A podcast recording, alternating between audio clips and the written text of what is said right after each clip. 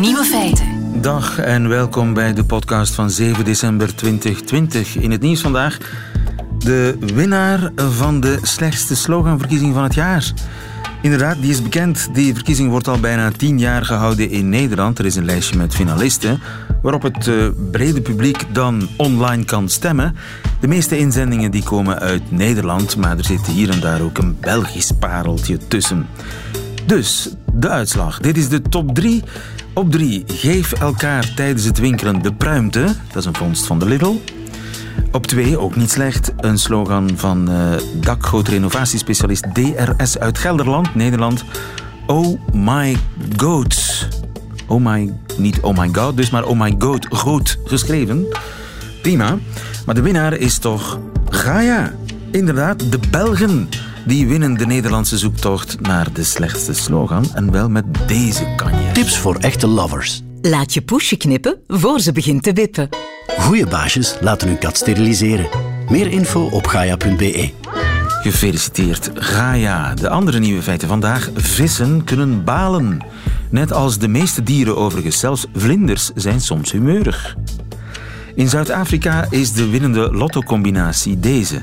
5, 6, 7, 8, 9 en 10. Is dat toeval? En het Havana-mysterie is opgelost. In Parijs neemt Alex Vizorek voor ons nog eens extra afscheid van Valéry Giscard d'Estaing, de voormalige Franse president. En de nieuwe feiten van Katrien Zwartenbroeks hoort u in haar middagjournaal. Veel plezier. Altijd benieuwd. Nieuwe feiten. Het Havana-syndroom. Herinnert u zich het Havana-syndroom? Het zat een jaar of vier geleden in het nieuws. De Verenigde Staten roepen meer dan de helft van hun ambassadepersoneel terug uit Cuba. De Amerikaanse minister van Buitenlandse Zaken Rex Tillerson nam de beslissing na een reeks mysterieuze aanvallen op de Amerikaanse ambassademedewerkers. Sinds bijna twee jaar hebben verschillende van hen last van onverklaarbare fysieke klachten, zoals gehoorproblemen en hoofdpijn. Hoofdproblemen en hoofdpijn op mysterieuze wijze gekregen door spionnen en diplomaten in China, Rusland en op Cuba. Groot mysterie, niemand wist waar die hoofdpijn en ook misselijkheid vandaan kwam. Maar vandaag, vier jaar later, is er een ja, oplossing of is het mysterie opgelost? We weten in ieder geval meer. Jens Fransen, goedemiddag. Goedemiddag. Je bent onze defensiespecialist. Het onderzoek is klaar, hè? Ja, het onderzoek is klaar.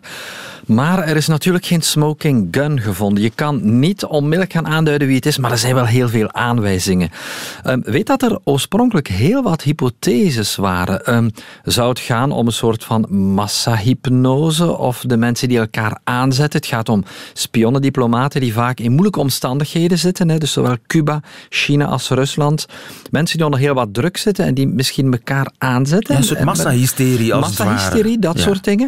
Er is ook heel even gedacht, is hier een vorm van chemisch wapen ingezet? Of zitten er bijvoorbeeld pesticiden in het leidingwater? Dat soort dingen. Ook allemaal onderzocht. Of zitten er stoffen in de lucht?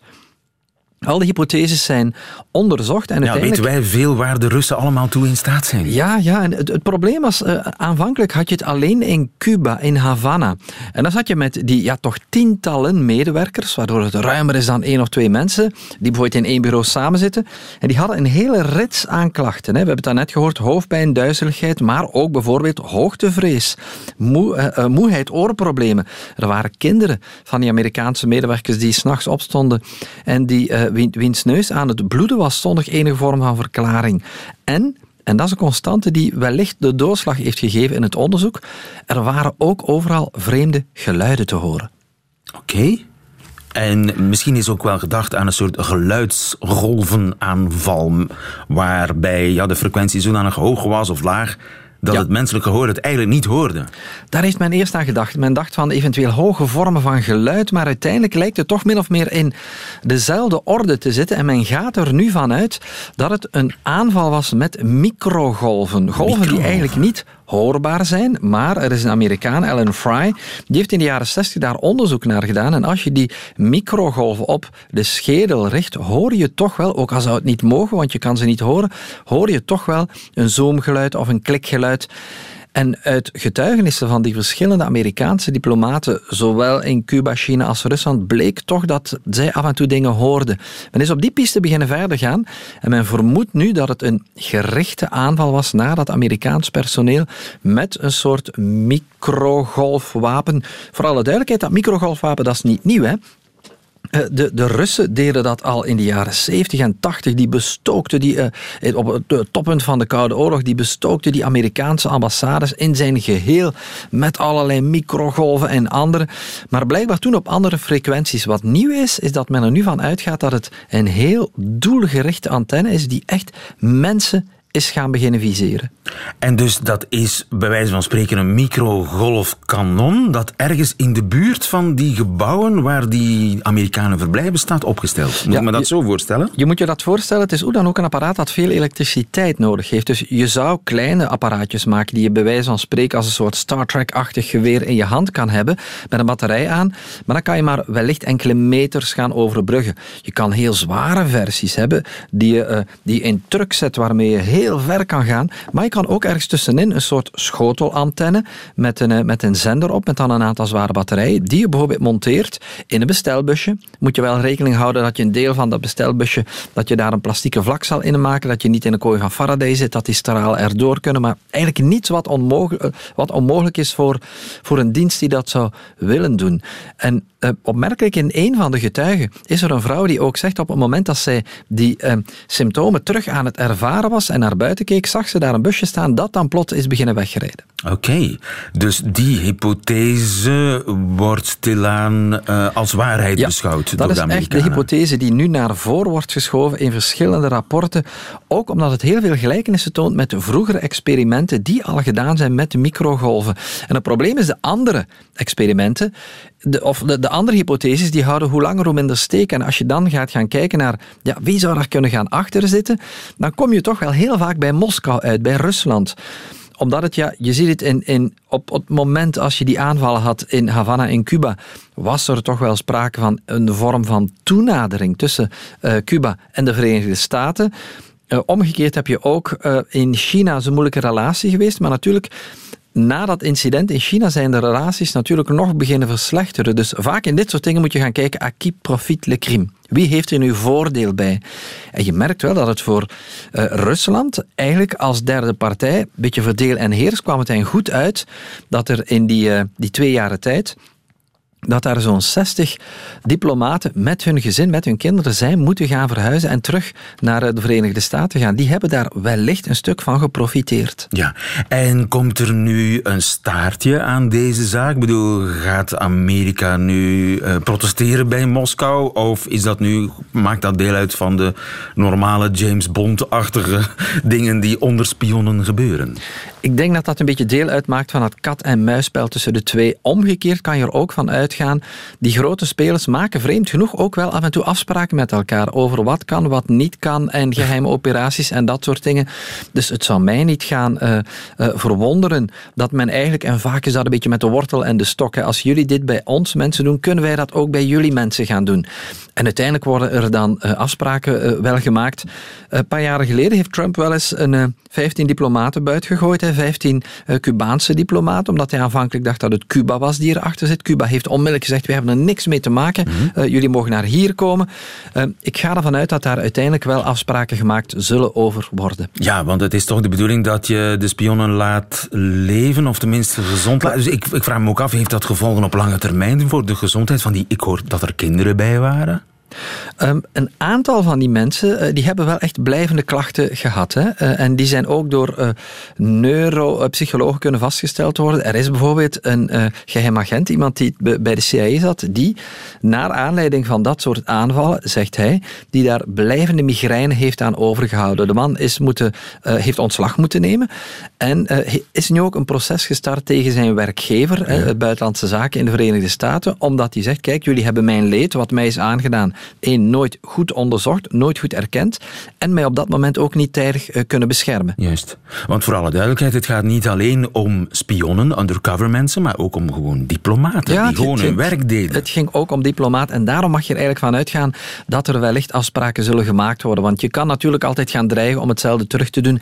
En het is niet de bedoeling dat al onze diplomaten met hoofdpijn na x aantal maanden toch maar teruggaan naar de thuisbasis. Ja, het Havana-syndroom is eh, ontsluierd. Dankjewel Jens Fransen. Goedemiddag.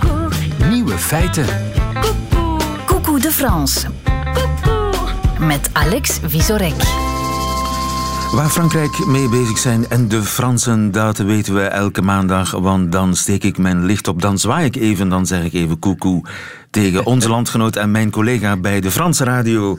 Alex Visorek, goedemiddag Alex. Coucou, lieven. Coucou, Alex. Het belangrijkste nieuws uit Frankrijk van vorige week heb je zeker al gehoord. Au revoir. Inderdaad. Zo sloot Valéry Giscard d'Estaing in 81 zijn afscheidsspeech als president en vorige week heeft Giscard zijn definitieve au revoir gezegd aan de Fransen op de leeftijd van 94 jaar. Valéry Giscard d'Estaing was eigenlijk Emmanuel Macron in de 70s. Hij was een jonge president. Hij wilde een grote centrumpartij uitbouwen en de Franse politiek hervormen. Eh, ik wil niet pessimistisch zijn, maar dat is hem toen wel niet gelukt. Hij heeft maar één termijn gedaan, van 74 tot 81. Maar hij heeft wel echt zijn stempel gedrukt op de Franse politiek en allemaal maar door zijn stijl. Een stijl die poëtisch en lyrisch kon zijn. Zo kondigde hij zijn overwinning aan. Voici que s'ouvre le livre du temps avec le vertige de ses pages blanches. Le vertige de ces pages blanches. Ja, wat een- Hier opent zich Hier het opent zich het boek der tijden met de duizerigheid van zijn lege bladzijden. Het rijmt Ja, ook nog in het. Nederlands, fantastisch. Dat is mooi, ja. En eh, er zijn tientallen eh, van dit soort literaire speeches. Eh, zijn manier van spreken was nogal opmerkelijk. Een perfecte doel voor imitators. Maar Valéry Giscard d'Estaing is vooral bekend als een Kennedy à la Française, dus niet JFK, maar VGE. Want hij zag hoe Kennedy zijn campagne had gevoerd en dacht, zo wil ik het doen. En dat betekent vol gas op communicatie, een eh, campagneteam, aandacht op peilingen en communicatieteams. Tegenwoordig klinkt dat normaal, maar in het Frankrijk van de jaren 70 was dat nog nooit gezien. Hij is dus de eerste president die zich verkocht als een marketingsproduct met de campagne-slogan Giscard aan het roer, of in het Frans Giscard à la barre. En de kunst eh, van de punchlines die het verschil kon maken. Zo heeft hij de verkiezingen tegen de socialist Mitterrand dus, eh, gewonnen, met dank aan één beroemde zin. Je trouve toujours choquant et blessant de s'arroger le monopole du cœur. Vous n'avez pas, Monsieur Mitterrand, le monopole du cœur. Vous ne l'avez pas. Meneer Mitterrand, u heeft het monopolie op het hart niet. Ja, heel bekende zin, le monopole du cœur. En het ging nog verder. President Giscard was de eerste die zijn privéleven in scène zette voor de journalisten. Ze volgden hem eh, met zijn familie op skivakantie als hij voetbal speelde of pétanque. Beeld je in na Charles de Gaulle, na Georges Pompidou, een president die zich op vakantie in een zwembroek liet fotograferen en zelfs muziek speelde tijdens interviews. Oeh la la. Oui, un petit accordéon. Il y a des variétés, vous voyez, ça dépend de ce qui est du côté droit. Il y a ce qu'on appelle des accordéons chromatiques, et puis des accordéons au contraire clavier, et ça c'est un accordéon à clavier. C'est la France, monsieur. Ik spring al bijna in de houding. Ja, hij speelt zelf accordeon. Maar nog beter is op het podium staan met de grootste Franse vedette toe. Alors, en attendant, voir Claude François. Est-ce que Claude François est là? Je vais lui apprendre une chanson. Est-ce que vous êtes d'accord? Ga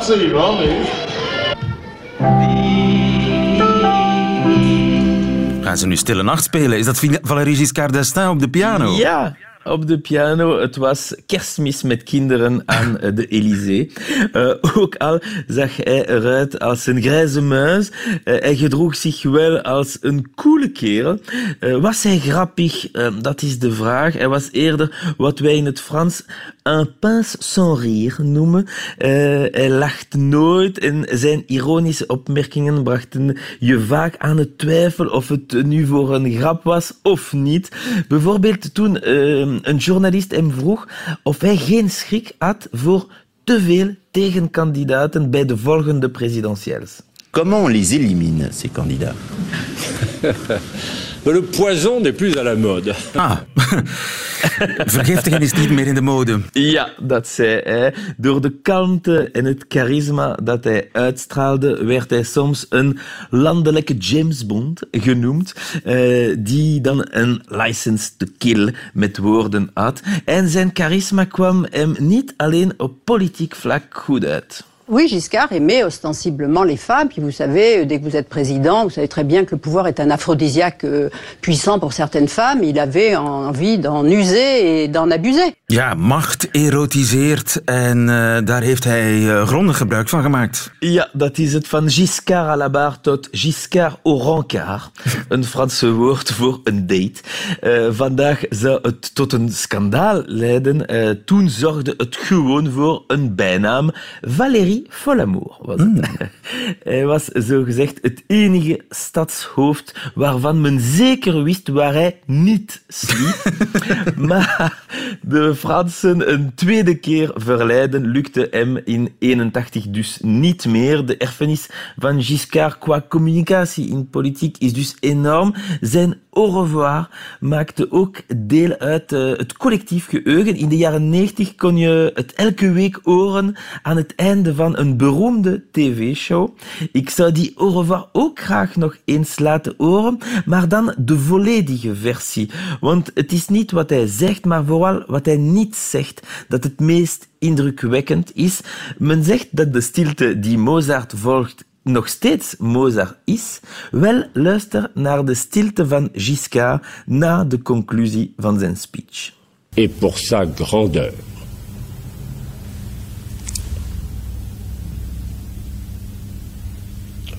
Au revoir.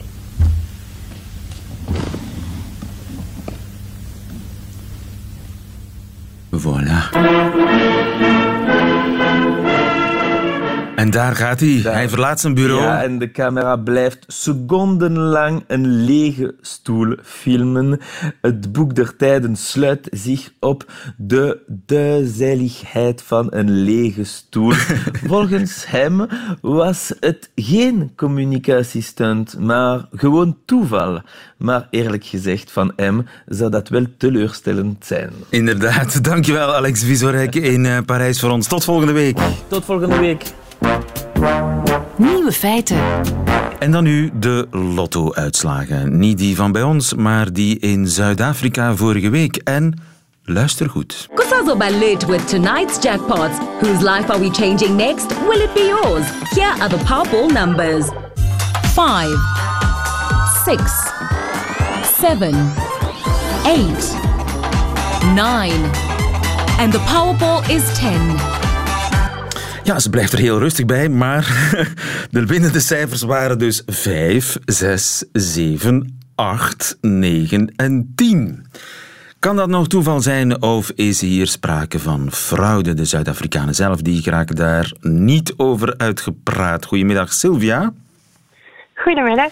Sylvia Wenmakers, jij hebt een heel boek geschreven over kansberekening. Kans op chocoladetaart heet dat boek. Goeie titel overigens, Kans op chocoladetaart. Ik vraag me eerlijk gezegd af hoe groot die kans op dit ogenblik is. Maar jij bent ook dokter in de fysica en in de wetenschapsfilosofie, dus ik ben bij jou helemaal aan het goede adres. Het lijkt te mooi om waar te zijn, hè, die eh, Zuid-Afrikaanse lotto-uitslag. Ja, dat, uh, dat lijkt heel uitzonderlijk. En uh, die combinatie heeft ook maar een kans van uh, minder dan 1 op 42 miljoen. Maar aan de andere kant heeft natuurlijk elke uitslag van die loterij eenzelfde kans. Dus eender welk resultaat heeft diezelfde kleine kans. Het is alleen maar omdat het hier om opeenvolgende uh, getallen gaat, dat het heel erg uh, de aandacht trekt. En dat er inderdaad veel mensen reageerden met dat kan toch geen toeval zijn. Maar het is um, dus wel toeval. Ja, het kan, uh, kan zeker toeval zijn. Maar er waren mensen die zich zorgen maakten omdat er dit keer zoveel winnaars waren. Aha. Er waren twintig winnaars. Dat is uitzonderlijk veel.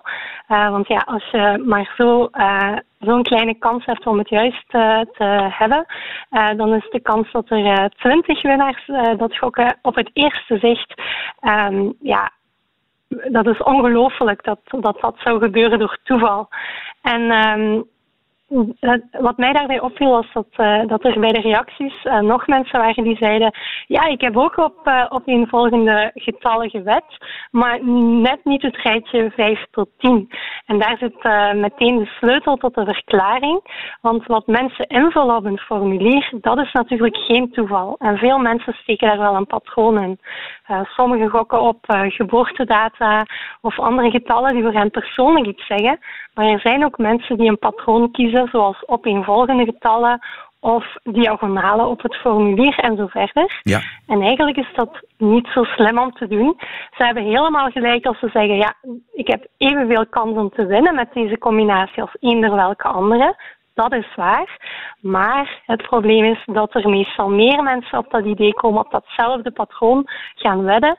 En als je dan wint, uh, als het lot je dan treft, dan heb je de pech dat je met veel meer mensen moet delen. En dat is hier dus ook gebeurd. Dus nooit een twintig mensen hebben gewonnen en dus ja, die Ja. moeten dan de, de pot delen natuurlijk. Dus het is onverstandig om eh opeenvolgende cijfers te kiezen, in patronen te werken. Eh, niet omdat Ja. je daarmee je kansen zou verkleinen of vergroten, eh, dat niet. De kans om te Dat winnen is even groot, maar de kans dat als je wint je de pot met meerdere mensen moet delen, die is wel groter. Ja, en dat deed me ook eh, erg denken aan iets dat een aantal jaar geleden gebeurd is in Bulgarije. De getallen daar waren niet zo opvallend, zoals 4, 15, 23, 24, 35, 42. Niets aan de hand zou je zeggen. Ehm, maar eh, een aantal dagen later werden daar exact dezelfde getallen getrokken. En ook toen bleek dat er 18 mensen eh, daarop gegokt hadden. Dus blijkbaar gebeurt dat dan vaak, dat mensen dan de cijfers van de week ervoor invullen. Maar dat is het lucky Eh, number meestal dan. Komt dat, meestal komt dat niet aan het licht natuurlijk. Maar als dat dan getrokken wordt, dan heb je eigenlijk eh, ja, pech bij je grote geluk dat je wint. Namelijk, ook zij moesten met heel veel mensen delen. Dus de Dus, les eh, hier is eh, zo willekeurig mogelijk eh, lottocijfers invullen. Dat is de les. Inderdaad, dat is de les. Ja, je hebt maar evenveel kans om te winnen op die manier, maar als je dan wint, heb je veel meer kans dat je de enige bent. En dan heb je tenminste waar voor je geld. Hè? Ja. Maar de belangrijkste les is natuurlijk, ja, de kans dat je wint is ongelooflijk klein. Namelijk even groot als de kans dat je 5, 6, 7, 8, 9, 10 als eh, winnende cijfers hebt. En die kans, dat voelt iedereen aan, die is bijzonder klein.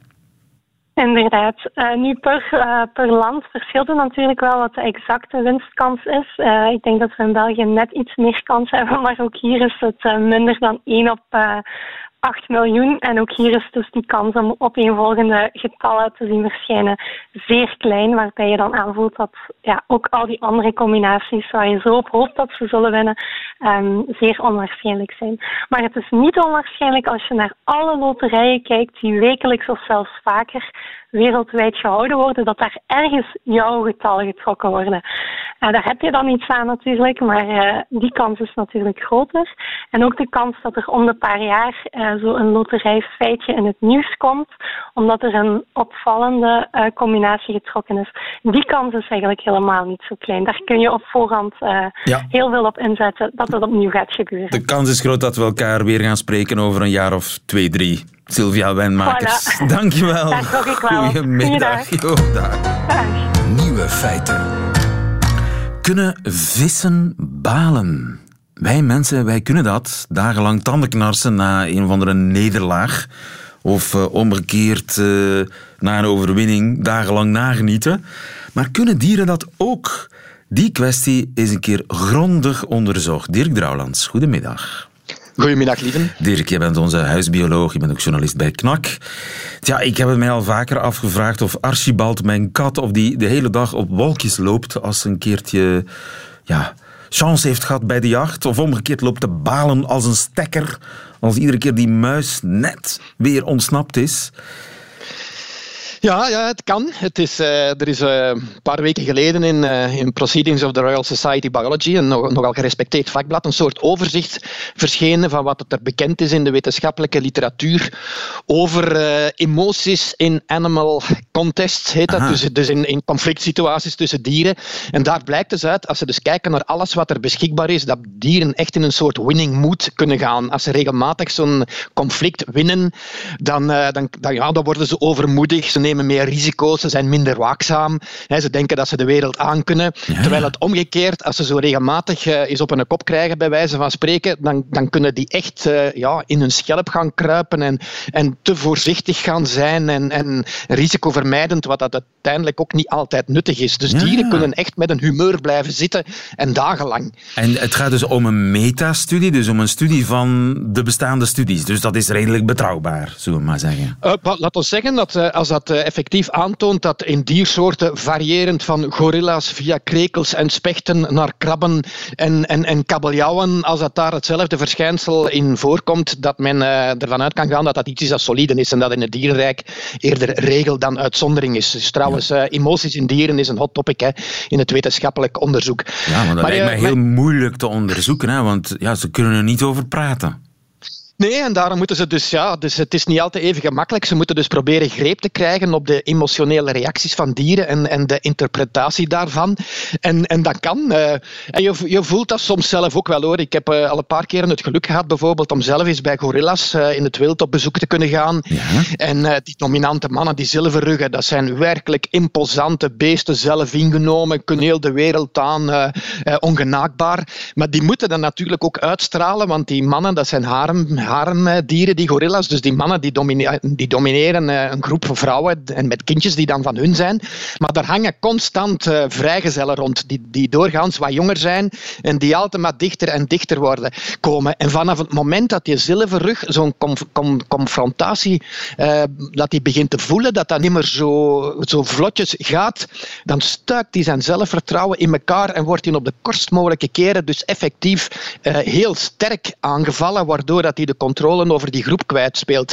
En die vrouwen bijvoorbeeld van die gorilla's, die merken dat en die beginnen al stilletjes aan hun eieren voor, voor het geld te kiezen en, en al wat aan te sluiten bij, bij de andere mannen in de buurt. En finaal, ik heb er zo eens een gezien in Zuidoost-Cameroen, zo'n een oude zilverrug die verjaagd was uit zijn groep. Dat beest moet een eenzame oude dag door, die is constant op zijn hoede, die is, eh, die, terwijl dat hij een paar jaren tevoren de koning van het woud was, bij wijze van spreken. Dus elk, kan... elk vrouwtje kon krijgen? Voilà, ja, ja, ja, want hij was de sterkste. Hè, dus die vrouwtjes kiezen dus echt voor de sterkste.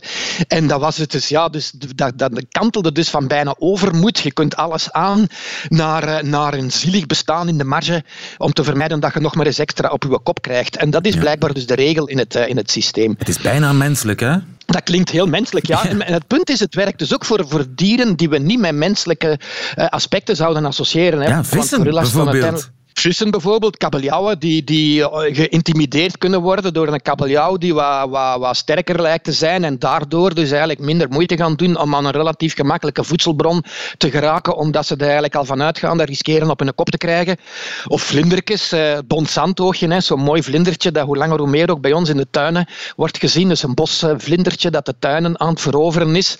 Dat beestje, dat, daar zijn experimenten mee gedaan waaruit blijkt dat die, dat die eh, als die bijvoorbeeld een beloning verwachten in, in bijvoorbeeld in een toenadering tot een vrouwke en ze krijgen dat niet, dan worden die geagiteerd. Met Atalanta's is dat ook, die grote tuinvlinders, die, uh, die gaan soms, soms zie je zo twee van die grote Atalanta's met elkaar zo in zo'n warrelgevecht Juist, in zo'n tuin. Ja, en dat zijn dan meestal mannetjes, die zijn dan wel wat territoriaal, maar die denken dat ze met een vrouwke te maken krijgen, want ze zien het verschil niet. Soms ruiken ze dat, als die vrouwkes echt zo lokstoffen uitsturen, maar soms gaan die achter zo'n manneke aan dat ze denken het is een vrouwke en dan, dan gebeurt er niks, want dat andere manneke snapt niet wat er aan de hand is. Die denkt van oei, een knokpartij. En dan geraken die territoriale venten echt, echt werkelijk, die draaien door, bij wijze van spreken, omdat die niet snappen waarom dat ze niet krijgen, waarop dat ze denken recht te hebben, omdat het een zogezegd vrouwke in hun territorium is. En dan gaan die balen. Ja. Ja, je zou verminderen. Hè? Ja, voilà, ja, ja, ja. En zo kun je, zo kun je die, die paper zit zo eindeloos vol met van dat soort eh, bijna anekdotische, maar dan wetenschappelijk goed uitge, uitgebouwde analyses van, van ja, het, humeur van beesten in functie van, eh, van, van, van of dat ze nu al dan niet in een winning mood zitten.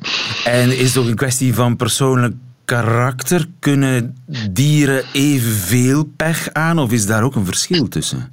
Nee, er zijn ook, eh, dat is iets dat ook al een tijdje duidelijk wordt. Eh, ik herinner me dat trouwens nog in, in mijn eigen doctoraatsonderzoek op de Blauwe Reiger van ondertussen al, al 40 jaar geleden ongeveer. Toch nog gefeliciteerd, Dirk. Ja, ja, maar goed, dat was vooral plezant om te doen natuurlijk. Zo vier jaar in het veld zitten en je bezighouden met één interessante vogel. Maar wij hadden daar zo'n honderdtal van gevangen en, en gemerkt met de vlaggetjes, waardoor dat we die als individu konden herkennen. En daar zagen we toen al van, er zijn er echt van die, van die heel assertieve beesten bij, van, van die sterke persoonlijkheden. Er zijn er zo de, de, de, de, de bravekes bij, die, die niet noodzakelijk ondergeschikt zijn, maar, maar een heel ander soort gedrag etaleren. En men is ondertussen zo ver dat men die in het dierenrijk opsplitst in twee grote groepen, namelijk de durvers versus de voorzichtigen.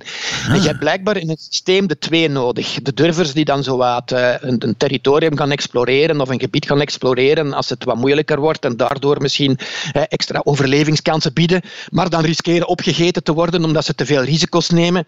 En de voorzichtigen die het eigenlijk op hun gemak doen binnen een gevestigd gebied, maar ja, die, die hebben die durvers eigenlijk nodig voor het geval als het wat tegensteekt. En, uh, dus je hebt, die, je hebt die verdeling van karaktertrekken. Dat is trouwens in de mensenmaatschappij ook... Niet anders. Voilà. Dus je hebt die nodig om het als soort eigenlijk goed te kunnen blijven doen. En daar is dus blijkbaar, en dat is het mooie nieuwe inzicht, ook een humeur aangekoppeld. En dat is plezant, want we kennen dat van onszelf. Vissen kunnen balen. Dankjewel Dirk Drouwlands. Goedemiddag. Goedemiddag, lieve. Radio 1. Nieuwe feiten. Dat waren ze, de nieuwe feiten van 7 december 2020. Alleen nog die van Katrien Zwartenbroeks krijgt u in haar middagjournaal. Nieuwe feiten. Middagjournaal. Beste Sinterklaas. Om eerlijk te zijn, ik had u niet horen aankomen. Niet letterlijk. Ik hoorde om drie uur deze nacht wel wat gestommel en heel veel gevloek. Maar ik ging ervan uit dat mijn kat na 17 jaar eindelijk mijn moedertaal had opgepikt. Niet dus, dat was u. Een beetje een verrassing weliswaar, want traditie schrijft voor dat u in de nacht van 5 december langskomt. Al ben ik niet rouwig om uw laattijdigheid. Brave kinderen gaan voor. En hoewel ik dit jaar geen kans heb gekregen om stout te zijn, durf ik wel toegeven dat het kind zijn me vergaan is. Bedankt dus dat u mij alsnog bezocht heeft. Dat u daarbij drie bloempotten heeft omvergegooid is geen groot verlies. Zo heb ik weer twee minuten van mijn anders doelloos wegtikkende bestaan kunnen wijden aan stofzuigen. Ook bedankt voor de cadeautjes, de Herbalife shakes die u niet weinig suggestief in mijn schoenen heeft achtergelaten. Het is best complimenteus dat u mij nog steeds een kandidaat voor aspirationele cadeaus acht. Doorgaans worden dertigers afgeschreven als afgewerkte producten die enkel nog goed zijn voor productiviteit. En in een maatschappij waarin meer, meer, meer de bovenhand haalt, is het een fris idee om te realiseren dat het soms ook best wat minder mag zijn. Minder mezelf, met name. Ik begrijp dus ook waarom er geen snoepgoed werd achtergelaten, al had een mandarijntje misschien wel gemogen. Begrijp me niet verkeerd, ik wil zeker niet klagen, echt niet. Om eerlijk te zijn ben ik zelfs een beetje vereerd om de band die we afgelopen nacht buiten mijn weten gecreëerd hebben. Nu mijn toilet gebruikt heeft, hoef ik straks bij de kerstborrel op mijn terras mijn ouders niet een strootje laten trekken. Iedereen op dezelfde bloempot, al moet ik nog wel op zoek gaan naar een exemplaar dat niet gesneuveld is bij bezoek. Nee, nee, ik klaag echt niet. Echt niet. Ik ben blij met alles. Wat een fantastische verrassing. Al is er misschien één klein dingetje waarover ik het toch wil hebben. Nu, goed, niet zo klein eigenlijk. Het is best groot. Groter dan ik ooit gezien heb. Zwat, Sinterklaas. Ik weet dat u een zwaar leven heeft. Maar mocht het mogelijk zijn om volgende keer, als het u uitkomt, alstublieft uw remsporen te verwijderen. Lieve groetjes, uw kapoen, Katrien.